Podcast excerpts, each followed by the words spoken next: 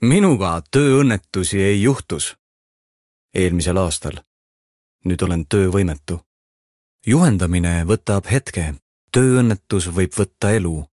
vaata ohutusjuhiseid tööelu.ee. kampaaniat rahastab Euroopa Sotsiaalfond. kuku raadios välja öeldud seisukohad ei pea ühtima Kuku raadio seisukohtadega. Te kuulate Kuku raadiot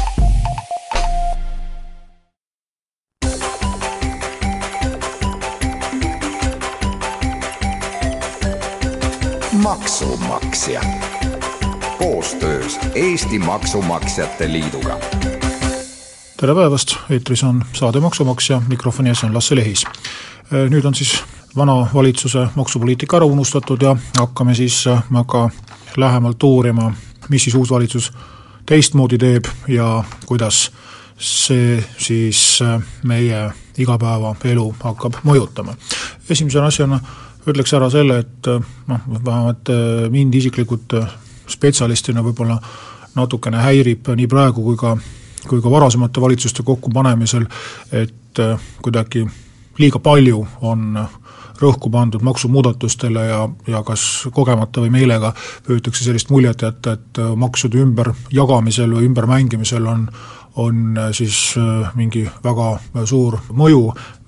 ja võimaldab äh, siis meie keerulisi probleeme kuidagi väga lihtsalt lahendada, et minu jaoks on maksud pigem, pigem vahend, mitte, mitte eesmärk, aga mõnede maksude puhul tõesti on nii, et ka niisugused väga pisikesed muudatused noh, mõjuvad väga paljudele inimestele, võib-olla isegi emotsionaalselt rohkem kui, kui sisuliselt ja sellepärast me nendest muudkui räägime ja räägime, isegi võib-olla ilmaasjata liiga palju. aga täna keskenduks tulumaksule, siin on plaanis siis kõige suuremad ümberkorraldused nii rahalises plaanis kui ka tegelikult nii-öelda maksusüsteemi mõttes on siin mitu asja, mis Äh, sellist harjumuspärast maksude kogumise viisi oluliselt muudavad, ehk siis teatud asjad, millega me oleme harjunud, kaovad ära või muutuvad teistsuguseks ja isegi kui nii-öelda majanduslik mõju on positiivne, siis see ümberkorralduslik ja nii-öelda tehniline mõju on ka kindlasti oluline, millega tuleb arvestada kas siis otsuste tegemisel või nende otsuste elluviimisel. tulumaksul omakorda on siis kaks nii-öelda suurt valdkonda, üks puudutab juriidiliste isikute maksustamist ja siin on noh, ühest küljest see muudatus tavainimesi eriti ei, ei puuduta, teisest küljest on ka see sõnum äh, neljateistkümnest protsendist jäänud siiski väga paljudele, kes tahaksid sellest aru saada, siiski arusaamatuks, äh, mida see täpselt tähendab, milleks seda vaja on ja kuidas see siis meie majandusele mõjub või väga lihtsalt see küsimus püstitada, et öeldakse, et kahekümneprotsendilise maksumäära asemel siis teatud ettevõtete puhul hakkab kehtima neliteist protsenti ja selle tulemusena aastal kaks tuhat kaheksateist peaks riigieelarvesse laekuma tulumaksu rohkem, sada seitse miljonit eurot võrreldes praegusega, ja siis äh, õelad kriitikud küsivad kohe, et et kui nii lihtne ongi, et teeme maksumäära väiksemaks ja raha tuleb rohkem, et äh, miks see siis nagu teiste maksude puhul nii ei ole. et äh, eks siin see seletus ongi pikem ja keerulisem ja seotud meie tulumaksusüsteemi erisustega ja lihtsustatult öeldes siis tahetakse, et äh, seisvaid kasumeid, mis on maksuvabad, neid rohkem siis liikuma panna, eks siis praegu ettevõt-, ettevõtjal ei ole kasulik kasumit dividendidena välja jaotada, et olukorras, kus ta ise nagu päris täpselt ei tea, mida ta teha tahab, kas ta tahab investeerida, ei taha investeerida, kuhu, millal, kas võtta dividendina välja äh, täna, homme, aasta pärast, kahe aasta pärast, siis riigil raha jääb saamata, me muudkui siis rahandusminister istub ja ootab, et millal see ettevõtja siis ükskord äh, suudab ära otsustada, kas ta tahab dividende maksta või ei taha. ja et siis nüüd meelitada äh, see dividendi jagamise otsus kiiremini ära teha, siis pakutaksegi tegelikult päris kena allahindlust, kolmkümmend protsenti, kui võrrelda siis neljateistkümne, kahekümne protsendist maksumäära, et see justkui siis meelitab äh, raha kiiremini, kiiremini välja maksma kuidas see sada seitse miljonit on arvutatud, seda ärge minu käest küsige, eks me seda siis näeme, kui aeg käes on, mis hakkab toimuma ja, ja, ja kuidas, kas tuleb rohkem või vähem. ja noh, eks ta muidugi tuleviku maksubaasi kindlasti vähendab, eks siis võib tihti juhtuda see, et see kasum võetakse välja, laenatakse tagasi ja edaspidi makstakse juba laenuintresse, mitte dividende ja, ja kunagi kaugemas tulevikus need maksulaekumised on väiksemad, aga noh, siis on juba järgmine, ülejärgmine valitsus, et noh, pole meie probleem. aga oluline selle neljateistkümne protsendi juures on loomulikult see, et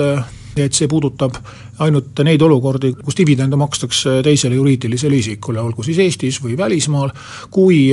dividendid lõpuks otse või ringiga jõuavad Eesti füüsiliste isikuteni, siis kuidas täpselt, pole veel teada, aga igal juhul ei maksa unistada, et ka siis see soodsam maksumäär kehtima jääb, ehk siis see kuus protsenti tuleb juurde maksta, kes kas siis kohe või hiljem Äh, seda me tõesti praegu ei tea, aga see on selgelt välja öeldud, tõsi küll, mitte äh, valitsuskoalitsiooni äh, lepingus ega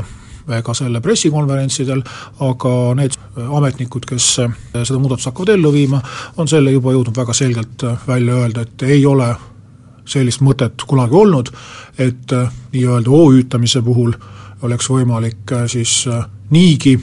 soodsamat maksustamist, noh selles mõttes, et sotsiaalmaksu maksta ei tule dividendidelt, et siis nüüd veel tulumaks ka väiksemaks läheb, et, et siis tekib küsimus, et äh, nagu töölepingu alusel töötamisel ei ole nagu suurt mõtet, et tehke aga OÜ-sid ja makske iga aasta dividende, et, et, et selle mõtte võib küll ära unustada, et midagi sellist plaanis kindlasti ei ole.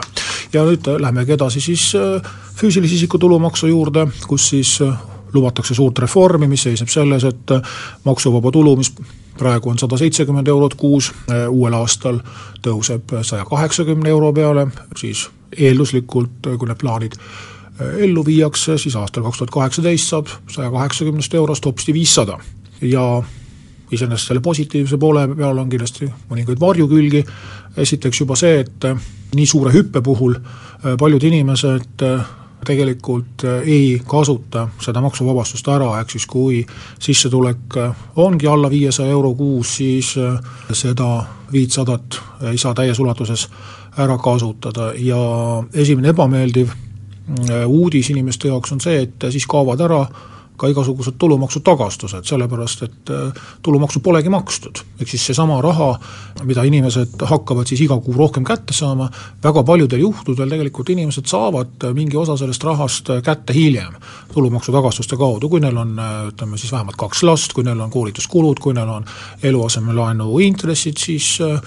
tegelikult see sada kaheksakümmend eurot maksuvaba tulu kuus tuludeklaratsiooni esitamisel võib kasvada päris suureks, aga suurem osa inimesi seda asja kindlasti niimoodi ei taju, et üks asi on see, mis ma iga kuu kätte saan ja teine asi on see, mis ma kevadel Maksuametilt saan. kuid see ei ole veel kõik, nagu reklaamis öeldakse, et lisaks sellisele nii-öelda loomulikule kaole, nagu ma kirjeldasin, hoolitseb siis uus valitsus selle eest, et tulumaksu tagastused äh, väheneksid ka kõigil teistel. Äh, esiteks siis eluasemelaenu intressi puhul äh, mahaarvamise summaline piir pannakse kolmesaja euro peale aastas, see tähendab, et intressisumma kolmsada eurot, see tähendab tulumaksusumma mida kodulaenult on võimalik tagasi saada, on kuuskümmend eurot aastas ehk viis eurot ühe kuu kohta ega ta nullist nüüd väga palju suurem enam ei ole. ja siit tekib õiguslik probleem loomulikult, et äh, inimesed, kes on kodulaenu võtnud, õiguspärases ootuses tulumaksu tagastusele, jäävad sellest nüüd ilma. ja kui see mahaarvamine tõepoolest nulli keerataks, oleks see põhiseaduse vastasus ilmselge.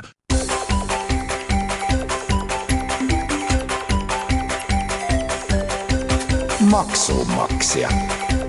Koostöös Eesti Maksumaksjate Liiduga